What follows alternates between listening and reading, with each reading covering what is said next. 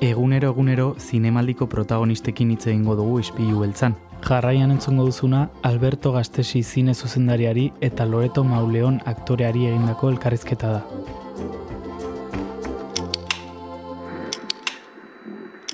Bizitzan hartzen ditugu hainbat erabaki, bide bat e, marrazten dutenak, eta askotan gelditzen gea pentsatzen ze izango zen nire bizitza beste aukera bat hartu izango banu, ez?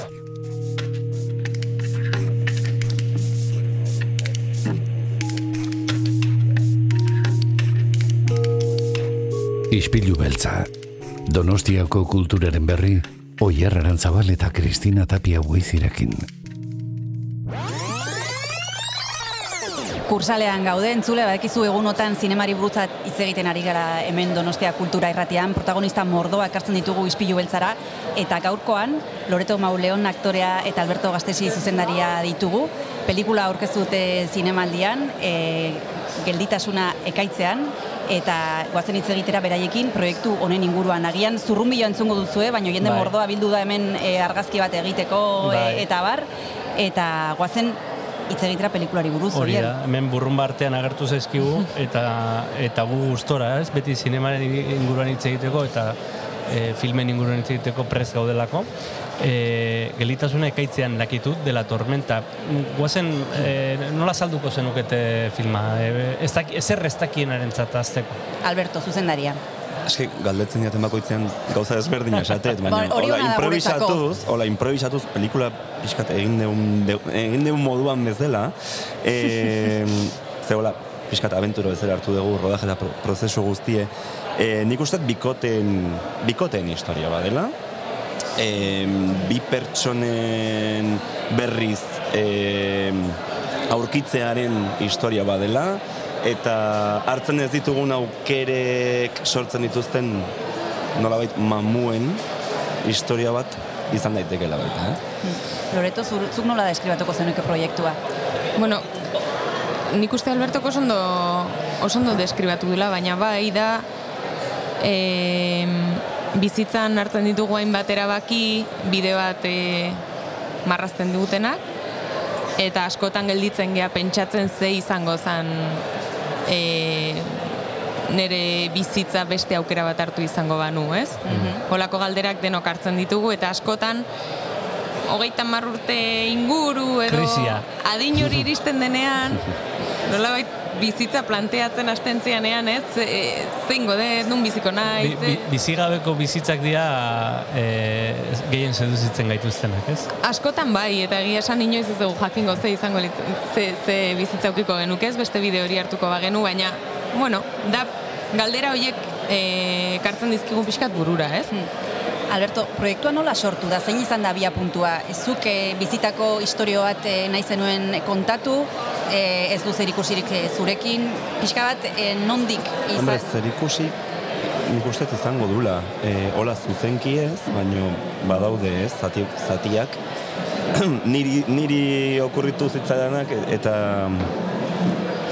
eta, bueno, eta, eta nire lagun artean ikusten ditudanak, e, ez dakit, ez?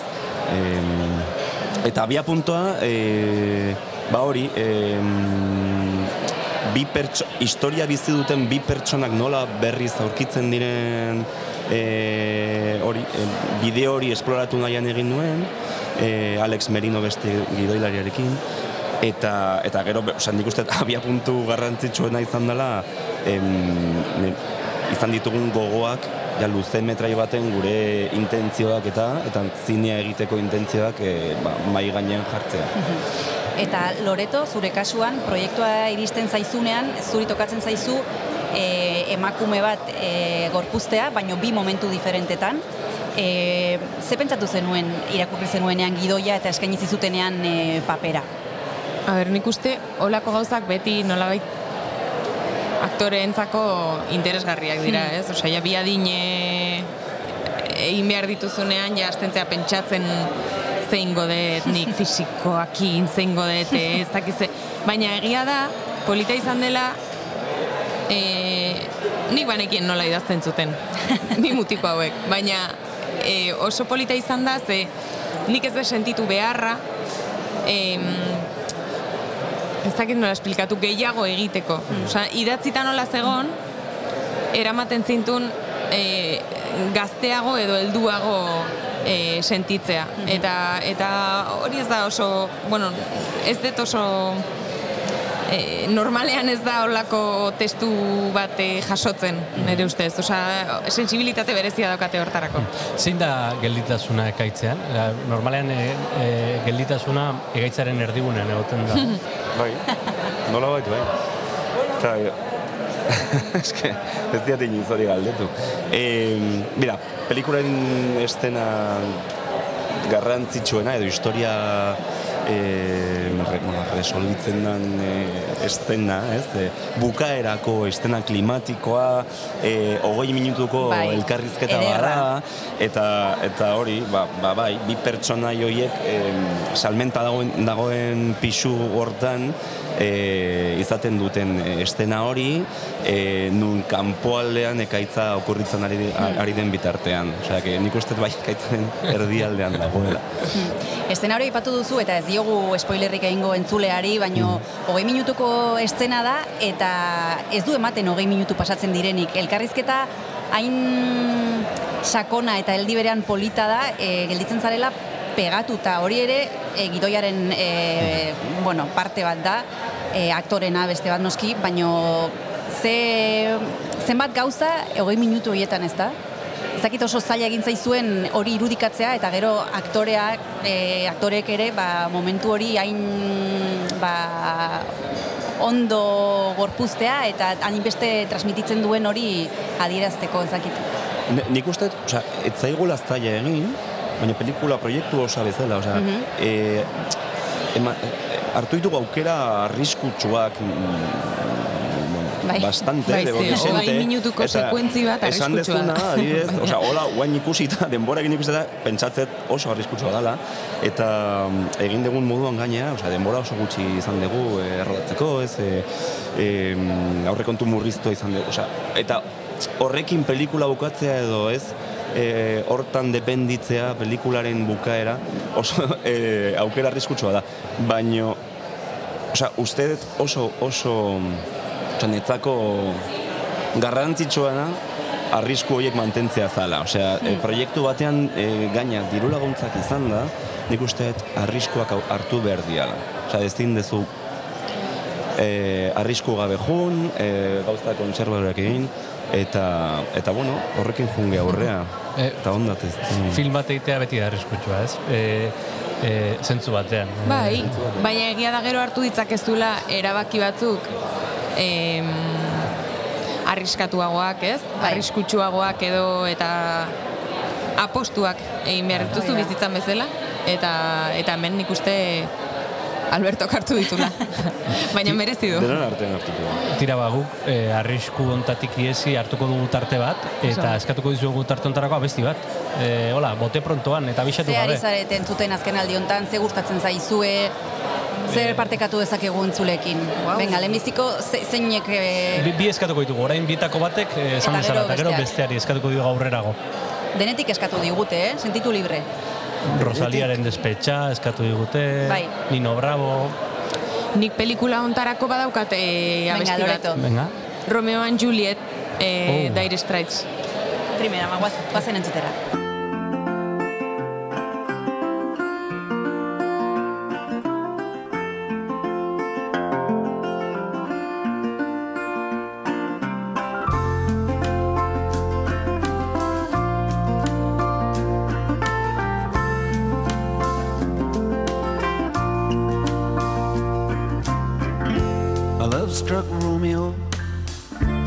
Sing the streets a serenade, laying everybody low with a love song that he made. Find the streetlight, steps out of the shade, says something like, You and me, babe, how about it?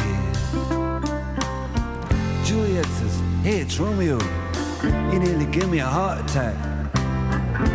He's underneath the window. She's singing, Eli, my boyfriend's back. You shouldn't come around here singing up at people like that. Anyway, what you gonna do about it? Juliet, it from the start.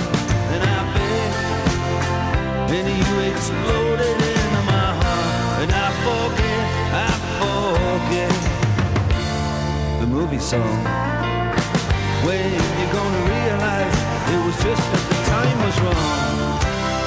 Juliet.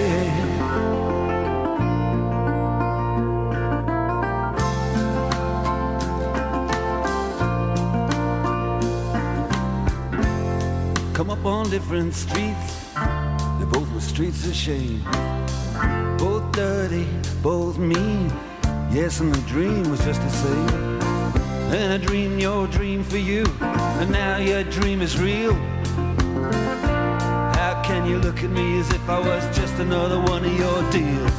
When you can fall for chains of silver, you can fall for chains of gold. You can fall for pretty strangers and the promises they hold. You promised me everything. You promised me thick and thin, yeah. Now you just say, oh, Romeo, yeah. You know, I used to have a scene with him. Juliet, when we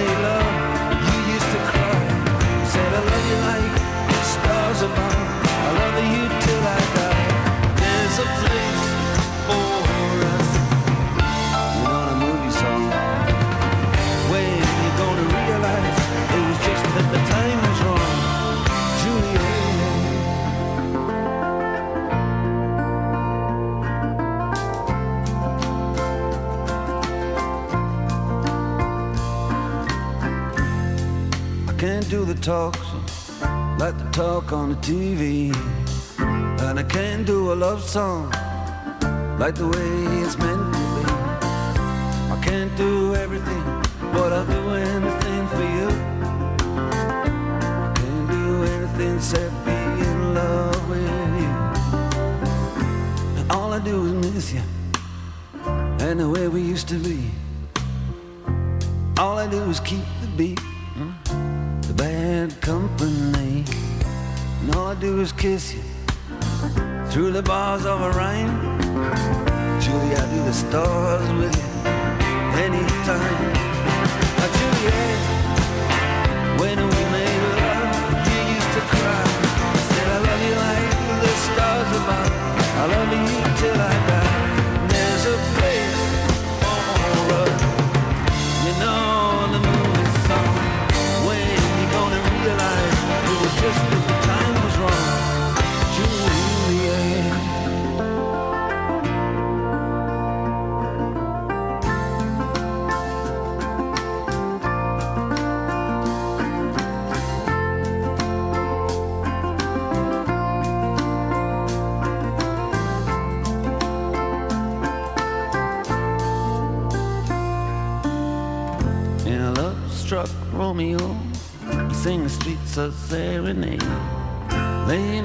laying low with a love song that he made. Find a convenient street light, steps out of the shade, and says something like, "You and me, babe,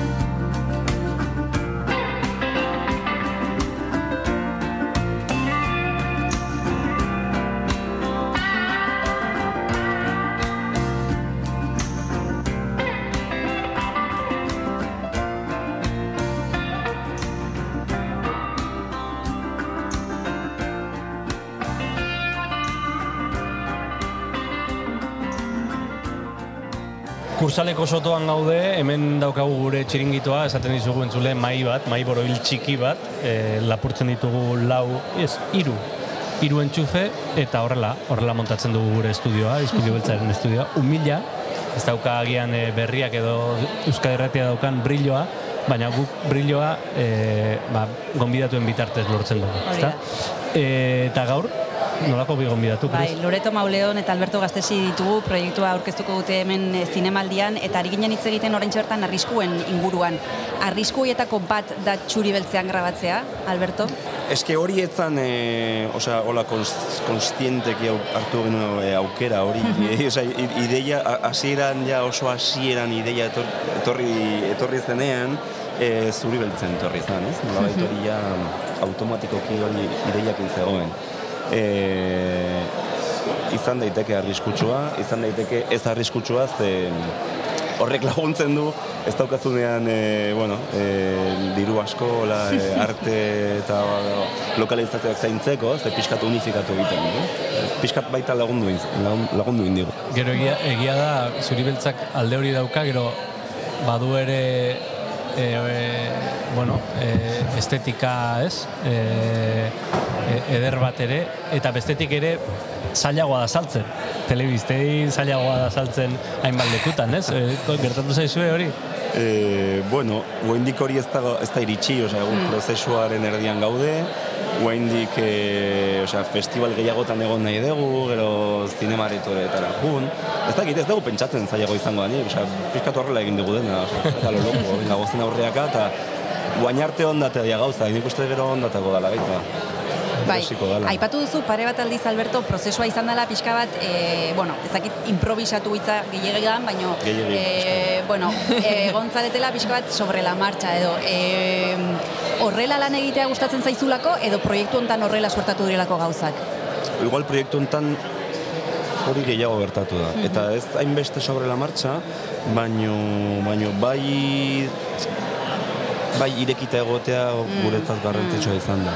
E, guain dela urte bat zegoen gidoia eta gaur pantailan ikusi dezakezuen gidoia ez da, ez da berbera guztiz, tono, tonoa baita pixkat aldatu da, eta osea, gauza izan da, e, bai Alex eta ni, ez, be, idazlea eta ni, eta bai ekipo osoa, aktoreak eta, e, ez izatea beldurra irekita egoteari, e, geure bizitzaren ba, gauzak eta eta eta animoak e, e, influitzen uztea eta nik uste hori nolabait hor badagoela. Gero berridatzi asko egin dugu, hori gustatzen zaigu horrela egitea. Hor, e, e, beste pelikuletan e, e, beste gauza ardatzetako bat izaten da e, aktoren zuzendaritza, ez? Nola Bai. transmititu e, zuk buruan daukazun hori aktorek bere egin dezaten eta eta zuk buruan daukazun bezala egin dezaten, ez? Mm. Eta horre ere suposatzen sorpresak ere emango diala. Bai, osea, zai, nik uste zaiena da, dala, osea, za, gauza, gauza zaiena beraiek e, bizitzen uztea eta askatasuna izatea izateari izateari e, kasu egitea uztea beraiek mugitzea beraiek e, estenan bizitzea ez? Malgutasun hori, ez? E, bai, Bai, aipatu behar dugu e, Loreto Mauleon dela protagonista inigo gaztesirekin batera, esan dezagun biak e, mantentzen duzuela pelikula, eh, zuen gainean dagoela pelikula, eta zuk ez aipatu duzu Loreto lehen gidoia oso ondo zegoela idatzita, eta ez zegoela askoz gehiago gehitu behar, eta ez dela ohikoa horrelako testuak e, topatzea. Hala ere, Albertok malgutasuna aipatu du, gero ere zuk ere zirrikitu batzuk e, aurkitzeko, eta kasu honetan ek makume berdina gorpuzten duzu, baina bi momentu diferentetan askoz ere zailagoa. E, ze zirrikitu e, bilatu dituzu e, emakume hau e, interpretatzeko, ba, jakinda malgutasun hori bazen eukala. Ba, nik uste hori, naiz eta, osea, nik sentitzen un oso ondo idatzita zegola, berdintzuelako bapatean bezperan hitz bat aldatzea edo esaldi bat aldatzea ze zentzua, zentzu guztia zeukan. Eta inigoke lehengo egunean esaten zuen bezala, egun baten iritsi zitzaigun bertsio bat, azken sekuentzi famatu hor, horri buruz. Bezperan izan zen. Bezperan. Eta bapatean biok beldurtuta, ez? Osea, hasten zaizkizu zure zure beldurrak eta eta ikasteko eta noiz hasiko baina irakurtzen zenunen irakurri eta esan genuen, bale, ezin digu ezer esan hobeto dago, oraindik hobeto dago. Orduan, mm, gertatzen zena da, behaiek idazten duten modu baten, interpretatzeko orduan, sekuentzia bakarrik doa. Osea, momenturen baten burua juten bazitzaizun, edo nik sentitzen dut momenturen baten esaldia eski, etortzen da bakarrik. Eski, idatzen duten, idazten duten moduan etortzen da bakarrik. Orduan, bueno, badu arrisku hori hartzen du ez, bezperan ematen digu tekstua, e, aldatuta, arrisku hori hartzen du, baina egia da ondo hartuta dagoela.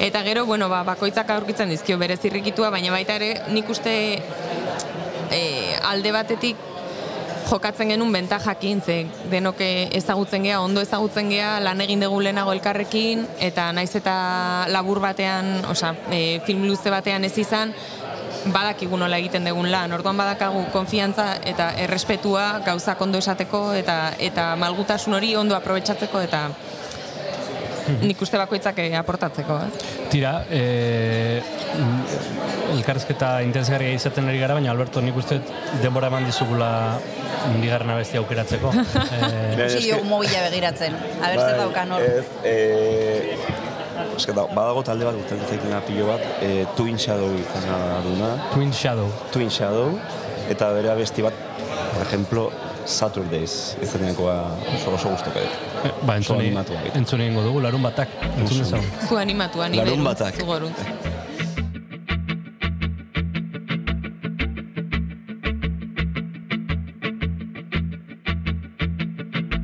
This could be the last time. That could be the four lines slipping away. This could be your last line. Care about everything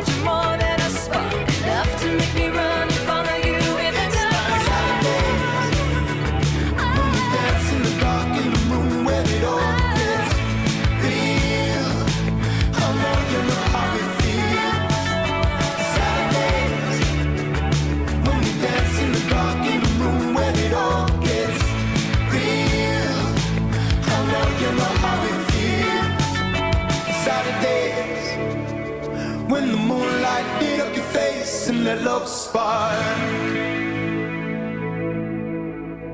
Loreto Mauleon eta Alberto Gastesi ditugu gaur hemen Ispilu Beltza Donostia Kultura irratian pelikula jarriko digute, gelditasuna ekaitzean ikusteko aukera izango dugu egunotan, eta nik jakin nahiko nuke nola bizitzen duzuen zuek e, zinemaldia. Hemengoak izan da, pentsatzen dut, ez zaretela lehenbiziko aldiz etorri kursalera, e, Victoria Eugeniara e, e, antzoki zarrera, gainera Loreto ikusi zaitugu aurkezle gisa, orain aktore gisa, pelikula defendatzen. E, zuentzat zer da zinemaldia? Zein da daukazuen e, lehenbiziko oroitzapena ikusle ezela pentsatzen dut. Bai, ikusle bezala lehenengoak nigo horatzen dut amarekin. Zu, zu ere ne- zure amarekin. Osa, ez dauketola oroitzapen konkretu bat, baina bai osa, oso argi daukat, txikian nintzenean eta eta gaztean nintzenean, fíjate. e, osa, mo, urteko momentu zoriontsuena hau zala. Osa, hori Wow. seguro.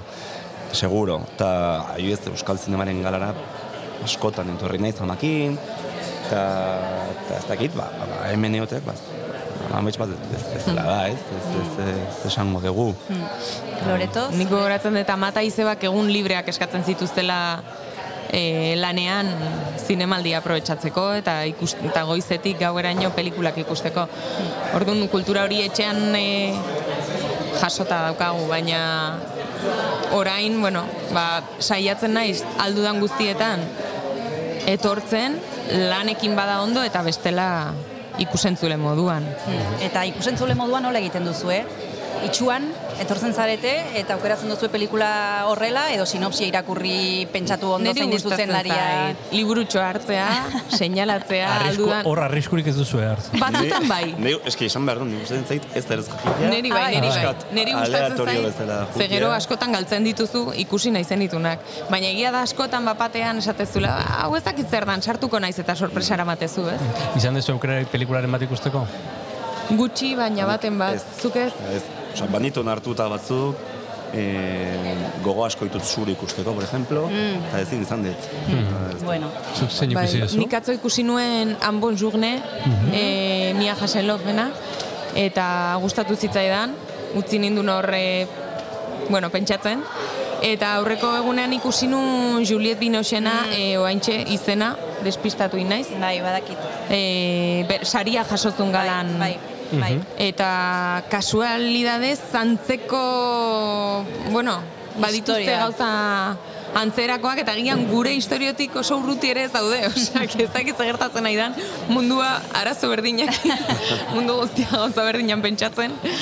Bueno, guk entzulei gomendatiko diego gelditasuna ekaitzan, eta bukatzeko jakin nahi dugu ze beste proiektu dituzuen buruan, kajoian, mailan gainean, mm, ez dakit, Alberto? Ba, nik Alexekin besti geldi bat daukat e, idatzita, e, ja horrekin urte pilo darama, daramatzagu hori, ba, finantzatzearekin, badakizue, ez, e, zinemaren ritmoak nola dian, baino printzipio zurren urtean errodatuko den historia bada, e, singular ditzen dana.